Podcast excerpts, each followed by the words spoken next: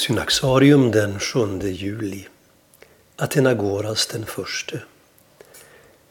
Athenagoras var ärkebiskop av Konstantinopel och ekumenisk patriark fram till sin död 1972. Han var en av 1900-talets mest kraftfulla förespråkare för kyrkornas enhet. Aristokles Spyrå, som han hette, föddes den 25 mars 1886 i en liten grekisk by nära den albanska gränsen. Hans far var läkare i byn och hans mor dog när han endast var 13 år.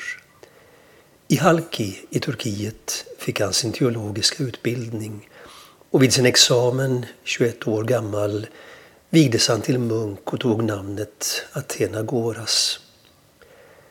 Nu inledde han sin pastorala gärning till att börja med som diakon i monastyr för att med tiden bli biskop i Korfu. Hans förmåga att skapa enhet ledde till att han 1930 blev utnämnd till ärkebiskop för de ortodoxa kyrkorna i Nord och Sydamerika, där starka spänningar rådde vid denna tid. Han fick amerikanskt medborgarskap 1938 och tio år senare valdes han till patriark av Konstantinopel, 61 år gammal.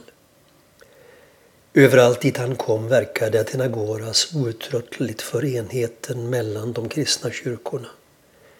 Hela hans liv handlade om försoning. En tjänst som präglades av hans djupa medvetenhet om varje människas fattigdom och storhet.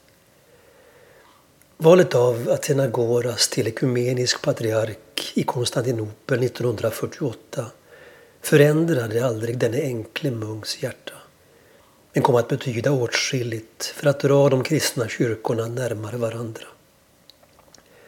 Beslutet att de ortodoxa kyrkorna skulle bli medlemmar av kyrkornas världsråd liksom den bysantinska traditionens närvaro vid andra Vatikankonciliet och förberedelsen av en panortodox synod var bara några av de synliga uttrycken för hans starka vision om och längtan efter enhet. Framförallt är Athenagoras alltså ihågkommen för det historiska mötet med påven Paulus VI i Jerusalem 1964 som ledde till upphävandet av den ömsesidiga tusenåriga exkommunikationen mellan Rom och Konstantinopel.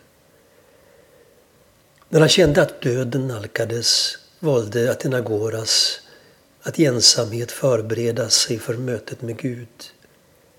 Han insomnade den 7 juli 1972 under oktaven efter Petrus och Paulus fest, den odelade kyrkans apostlar som firas på samma dag i både öst och väst.